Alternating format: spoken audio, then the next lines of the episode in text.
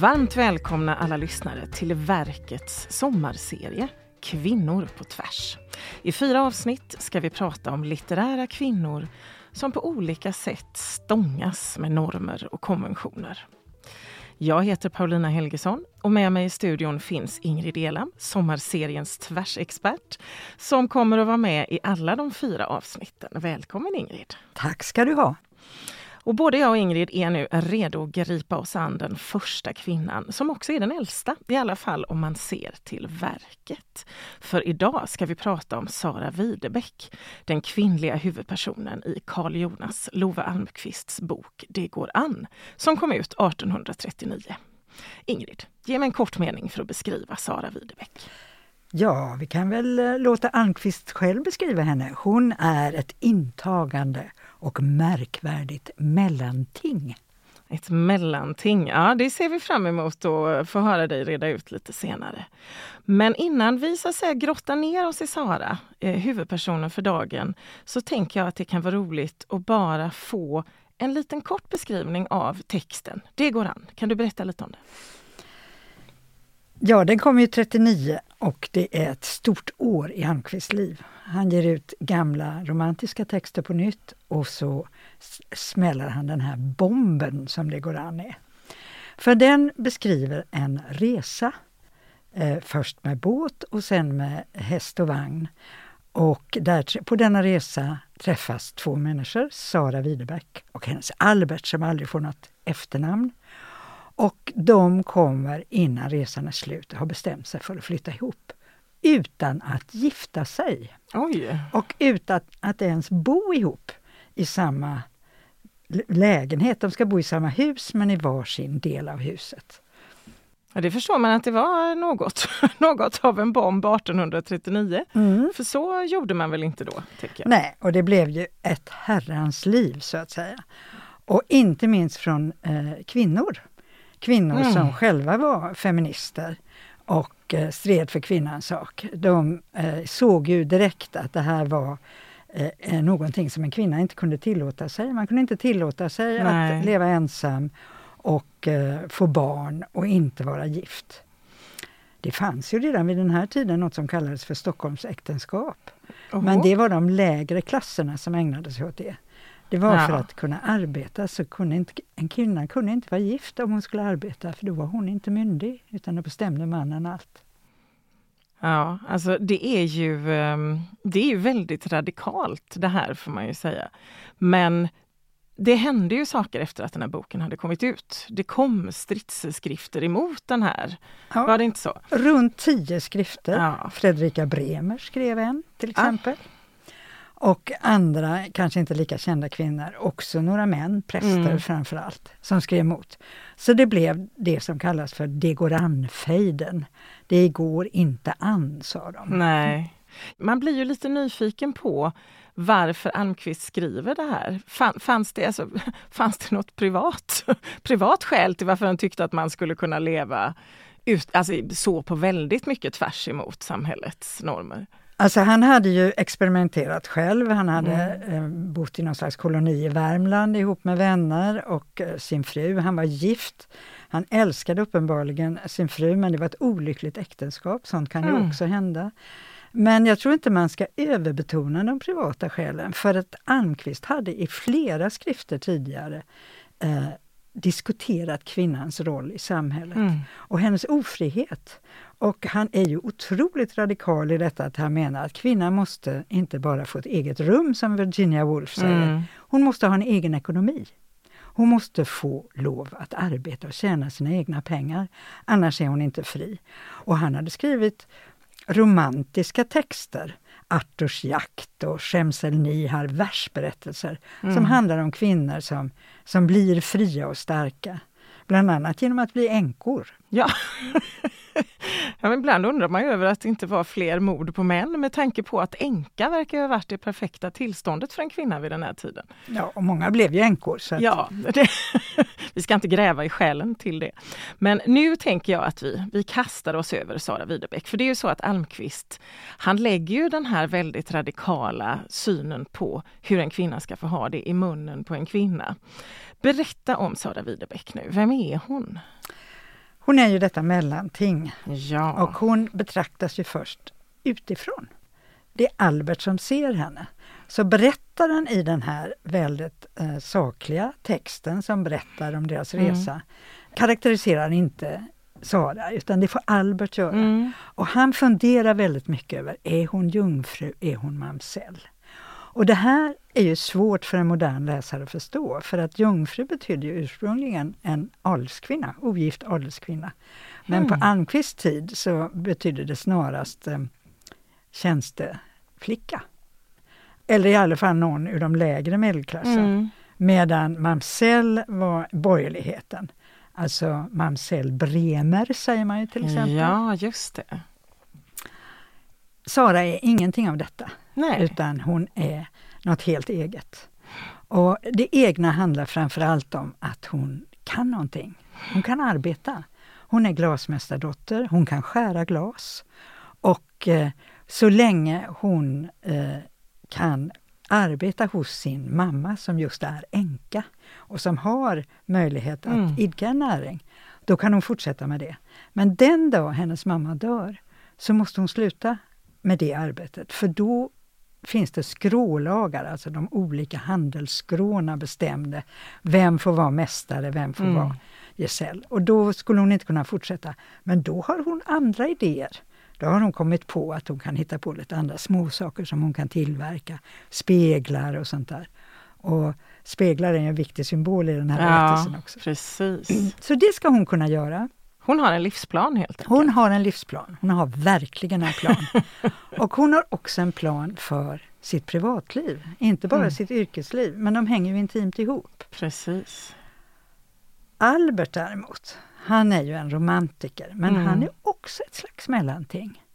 Han har uniform, men han, har, han är varken hög militär eller låg, utan han är ett slags mellanting. Och man ska komma ihåg att vid den här tiden så var medelklass ett väldigt positivt begrepp.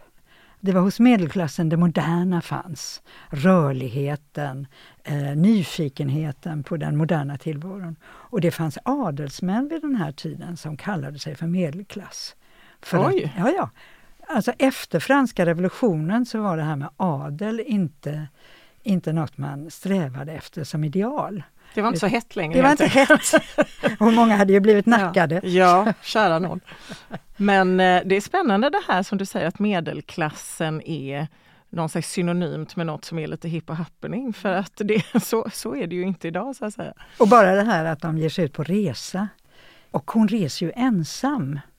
Och det beror ju faktiskt på att hennes moster hinner ju inte med båten om du kommer ihåg. Alldeles ja, i början precis. så kommer en kvinna springande som inte hinner med. Så det är liksom den gamla tiden som blir kvar på kaj. Just det, och den nya medelklassen. För man kan säga att de hör till medelklassen, Albert och Sara. Ja, båda, två, gör ju det. Ja. För det jag minns eh, i, från i början av romanen, och som du säger, det är svårt för en, en modern läsare att, att förstå liksom vikten av det här, men det har med hennes huvudbonad att göra. Ja. När Albert går där och klurar på om hon är jungfru eller mamsell. Mm. Och det är om hon har hatt eller om hon har huckle eller om hon har något annat på sig. Och det här med kläder Mm. är ju så stort i 1800-talets prosa. Kläderna gör Mm. både mannen och kvinnan. Det är kläderna som definierar vem du är, om du har förstått vem du är. Och, eh, och hon vet precis vem hon är. Hon vet precis vad hon tar på sig. Så att hon är, hon är nykter, hon är saklig och hon är uppriktig och rättfram. Så att eh, det, är något, det är något helt oförstört eh, över Sara. Ja. ja, hon är ju ett intagande mellanting som du sa i början där som Almqvist beskriver. Och uppenbarligen vet hon ju också vem hon kan vara eftersom hon växlar mellan Mm. hatt och huckle. Därför att har man hatt så är man då mamsell. Då är man mamsell, Ja, och har man huckle då är man jungfru. så är man jungfru. Så att det är någon slags, hon kan röra sig mellan de olika så att säga, tecknen på vilken klass man tillhör. Ja, hon kan anpassa sig efter situationen, laga Ja. efter lägenhet som det heter. Ja. Så, att, så att hon eh, vet att nu ska jag göra det, då tar Ja. jag på mig det här. Och, och där, så att det här med förklädnad är ju också spännande. Det återspeglar ju också det här att, att på den tiden fanns det ju regler för vad hade man på sig på förmiddagen, vad hade man mm. på sig på eftermiddagen. Och det finns ju rester av det kvar i vår tid. Inga bruna skor efter sex till exempel. Jag tänker på det här för att Albert, som du sa, han är också ett slags mellanting. För han är underofficer. Mm. Men han, han rör sig också så att säga, på den här båten. Båten beskrivs ju, om jag inte har alldeles fel, som någon slags samhälle i miniatyr där människor är på olika ställen på båten beroende på vad de har för, för samhällsställning. Han, men inte Sara. Nej. kan gå eh, i salongerna. Alltså han kan vara på första klass däck. Och eh, och hon passar hans saker på Han söker sig till mellandäck mm. för där finns ju hon. Och hon är ju hela tiden så praktisk så när han ska springa iväg och göra någonting, hämta något, då mm. passar hon hans grejer på mellandäck där. För han kan gå och hämta saker och han kan hämta dricka. Och, för att han rör sig i hela båten. Mm. Men han går naturligtvis inte på nedre däck där tredjeklasspassagerarna befinner sig. Och det gör inte Sara heller. Nej, men alltså att hon inte kan röra sig på hela båten som han kan, har det med klass eller kön att göra egentligen? Har det att göra med att hon är kvinna? Eller? Både och. Ja.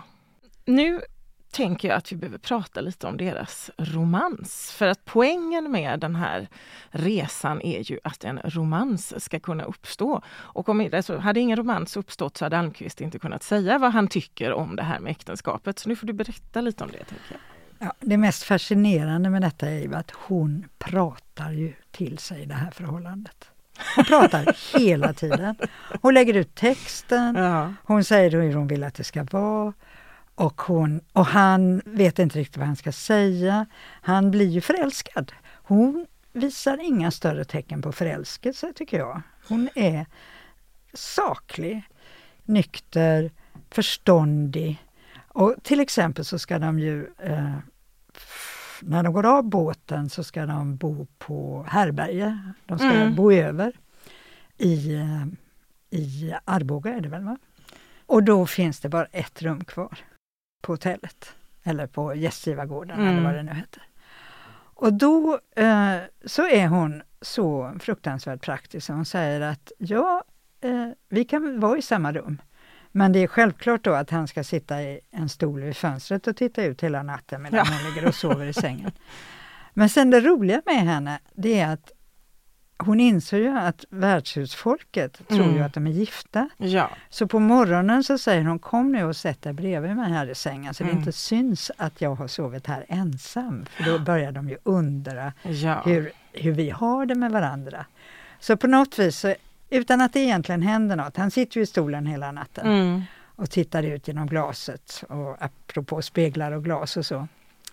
Och ändå så förstår man att de tänker hela tiden på vad som ja. skulle ha kunnat hända. Precis, och hon maskerar ju det väldigt väl. För han, han blir ju så stressad över det här att hon kan tänka sig att dela rum och han går ut och säger att han ska sova på högskolan eller vad han nu säger. Ja. Och hon säger, ja gör du det om du vill men du får gärna vara här. Ja. Och sen, men någonting som jag har tänkt på, som jag undrar om du också har funderat på, det är det här att hon ska gå och lägga sig för hon är trött, hon har haft en lång dag. Och han säger att han ska gå ut och då säger hon lås gärna dörren och ta med dig nyckeln så att ingen kommer in. Mm. Och det tycker jag är lite spännande för att där är det ju som någon slags metaforisk inlåsning av ja. henne. Men som hon ändå tillåter. Alltså jag blir liksom inte riktigt klok på vad det här betyder, om det betyder någonting. Jag vet inte. Ja, det betyder ju att hon litar fullständigt på ja. honom men inte på någon annan. Och när han kommer tillbaka och låser in sig i rummet igen så sover hon ju sött. Ja. Så hon har inga problem med att somna. Hon är inte orolig ett dugg. Det är han som är orolig. Det är ja. han som funderar över detta. Och börjar mer och mer tycka att hon är konstig men samtidigt förtjusande. Ja, för att det här med hennes extrema tillit eh, i början där, det är nog det enda som jag har och, för Anna, det är på något vis en väldigt realistisk och tilltalande berättelse. Det är inte konstigt att Sara är som hon är. Man köper henne. Det jag inte köper kanske är, är att hon, hon har ju bara liksom känt honom i några timmar och hon litar ovillkorligt på honom bevisligen. Ja, man får väl tänka sig att hon har någon slags intuition. Ja. Att det är tillit vid första ögonkastet. För hans del är det ju då nästan kärlek vid första ögonkastet. Och jag, jag, tänker mig så här att Almqvist han behövde en resa, det måste ja, gå fort. Precis. Och han ska få ihop det här. Ja. Och han ska, precis som du säger, lägga det i hennes mun. Ja. För hade han låtit Albert propagera för den här typen av kärlek, då hade det ju bara sett ut som den manliga önskedröm det ja. också är. För det sa redan min mamma när hon gav mig den här boken första gången att nu ska du få läsa om en riktig manlig önskedröm här. Ja. Sen, få allt utan att ha jobbet och ens försörjningsbörda. Ja. Och samtidigt är det ju så att Albert, han, han tycker verkligen inte att det här är någon önskedröm. Han har ju en väldigt tydlig bild av hur det ska vara. Så att metaforiskt så skriker han ju och sparkar emot det här som Sara säger. Eh, och nu tänker jag att vi måste komma in på vad är det Sara säger egentligen? Hon vill inte gifta sig, det har vi konstaterat. Det För finns det... flera skäl till det, ja. att hon inte vill gifta sig. För det första har hon sett avsidorna av äktenskapet. Mm. Hon har sett eh, vad alkoholism gör, hon har sett eh, vad, alltså att ofta så drabbas även kvinnorna av mm. alkoholism för att de är så instängda i äktenskapen. De, de blir omyndiga, de är aldrig myndiga men de blir ännu mer omyndiga mm. när de gifter sig. Mm. Då övergår liksom förmyndarskapet från far till make. Och de är helt liksom beroende av att den här mannen är god, mm. eh, bra. Och det har inte Saras mamma råkat ut för. Hon har inte varit, haft lyckan att leva i ett gott äktenskap. Så Sara har vuxit upp med ett elände. Det är det ena. Det andra är att hon ser att eh, kvinnor inte har det som kallas för näringsfrihet. Mm. Och det var någonting som Almqvist stred jättemycket för och, propagerade för. Att, att äh, kvinnor måste få rätt att arbeta. Mm. Inte för att de ska slava utan för att arbete och pengar ger mm. frihet. Och han var ju trots allt kristen. Ja. Alltså bed och arbeta. Alltså ja. arbete gäller både för man och kvinna.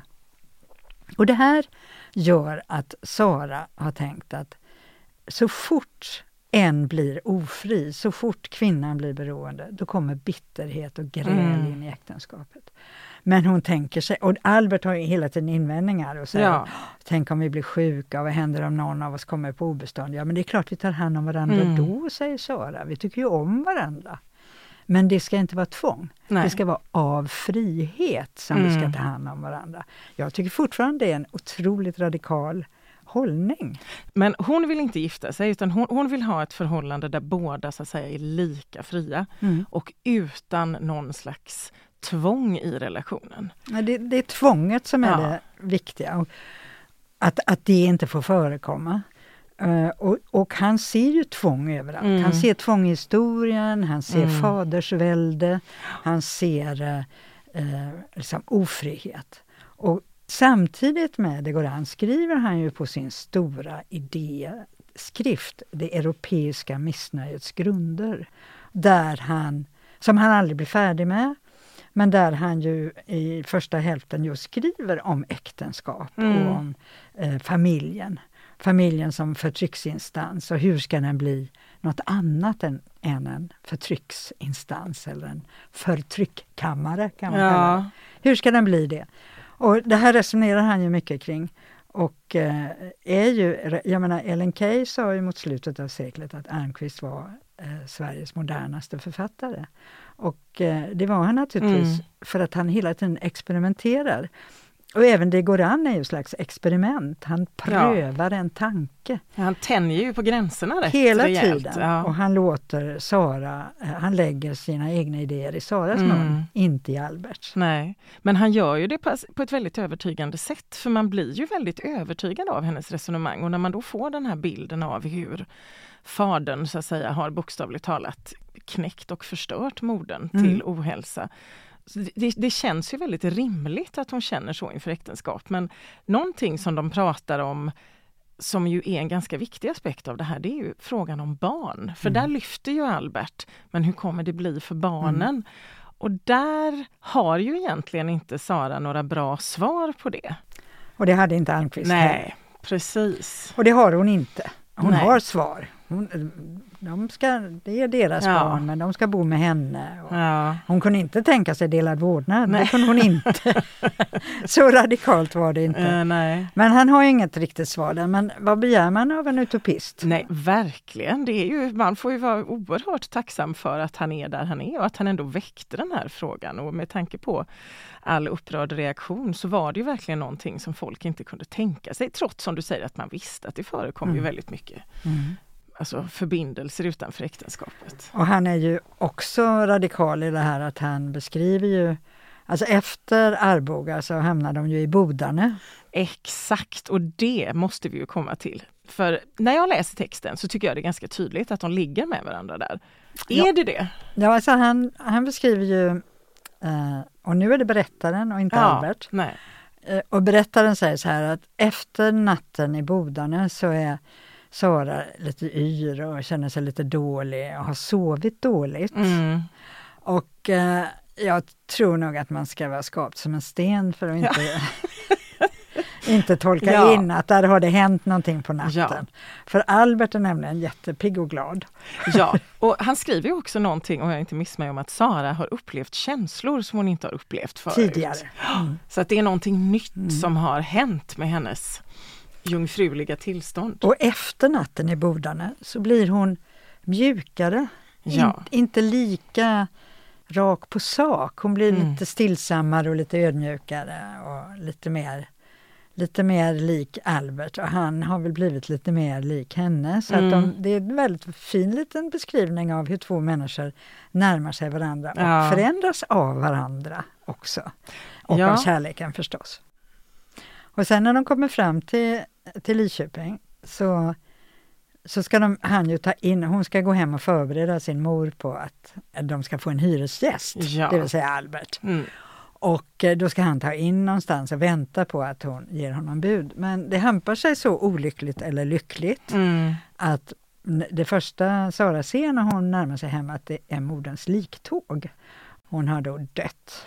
Och då blir det ju helt annorlunda och då hinner hon inte springa iväg och varsla Albert så att han drabbas ju av en slags osäkerhet som Mm. aldrig finns hos henne. Nej. Hennes tillit är ju orubbad hela Ja. tiden. Medan han tänker, vad, vad är det nu? Har vi inte... Han kan till och med tänka sig att hon bara struntar i honom. Nej, Han är ju den, den, så att säga, den moderna motsvarigheten till hans läge där. Det är ju en kvinna som vandrar runt och undrar varför han inte ringer. Precis. Det är Albert Ja. när han går där och väntar och tänker. Det finns ju ändå telefon, Ja, ja. kan han inte säga. Ja, det fanns det ju ledsamt inte då. Och han tror ju att hon har dött. Ja. Vilket också är lite sådär eh, un- undrat över varför Almqvist lägger in det här att han låter Albert tro framför att höra att det är en, en Videbäck som har dött. Ja. Och då tror han att det är Sara. Och det är jättemärkligt. ja, det är märkligt.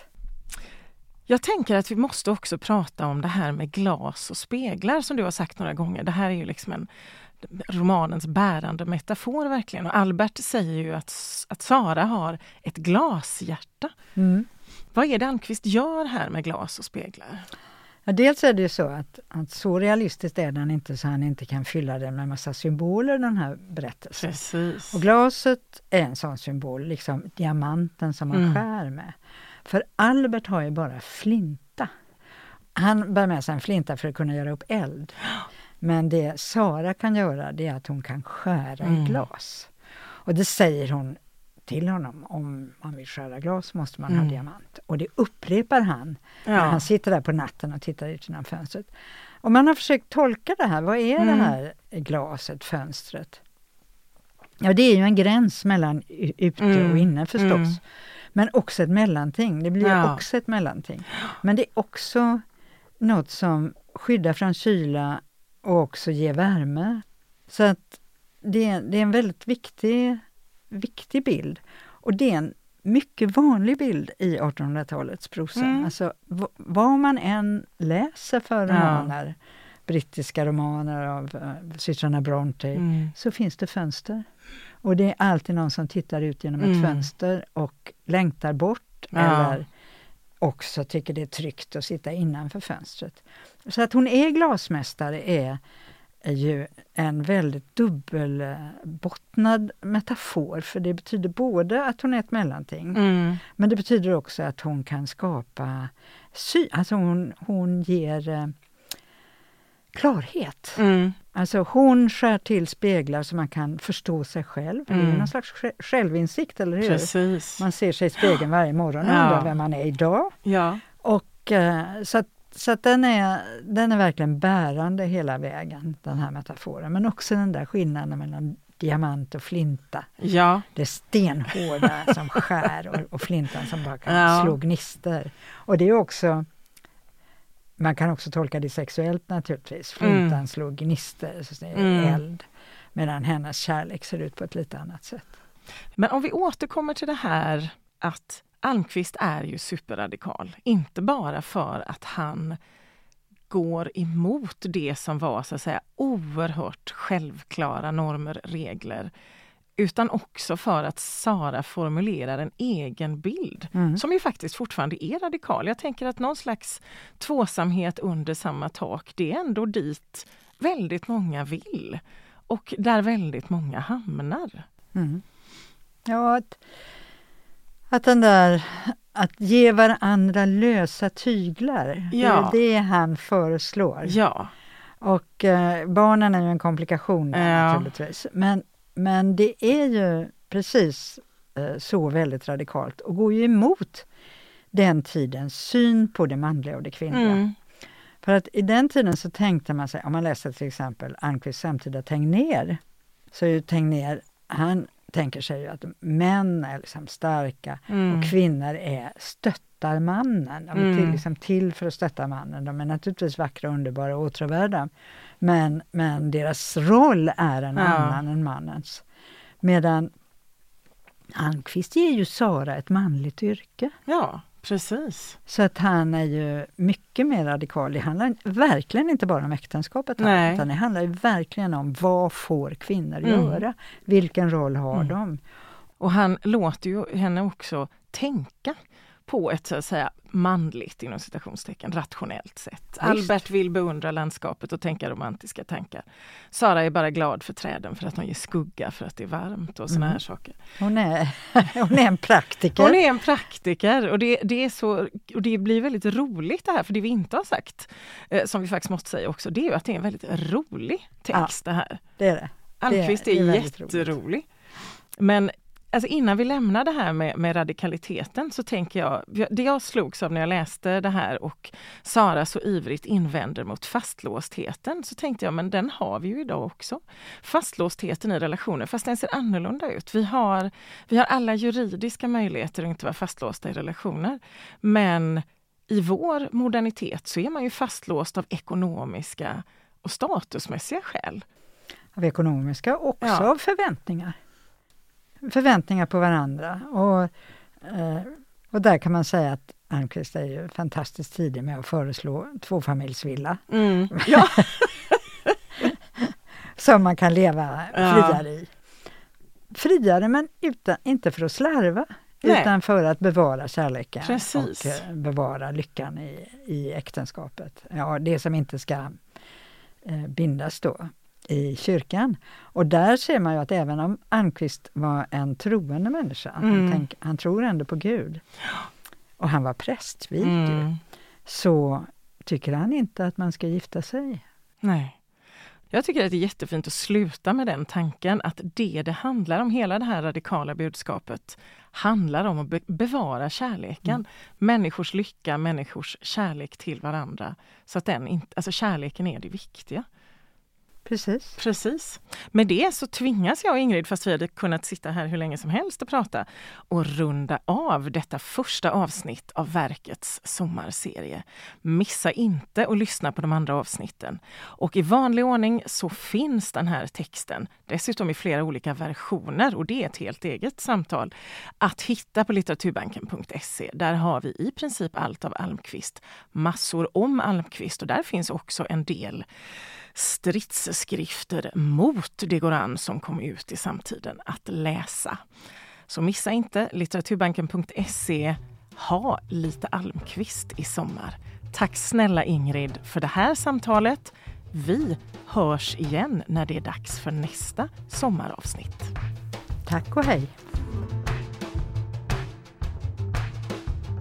Du har lyssnat på Verket, en podd om klassiker, producerad av bildningsmagasinet Anekdot i samarbete med Nationalmuseum och Litteraturbanken. Alla avsnitt samt fler poddar, filmer och essäer hittar du på anekdot.se.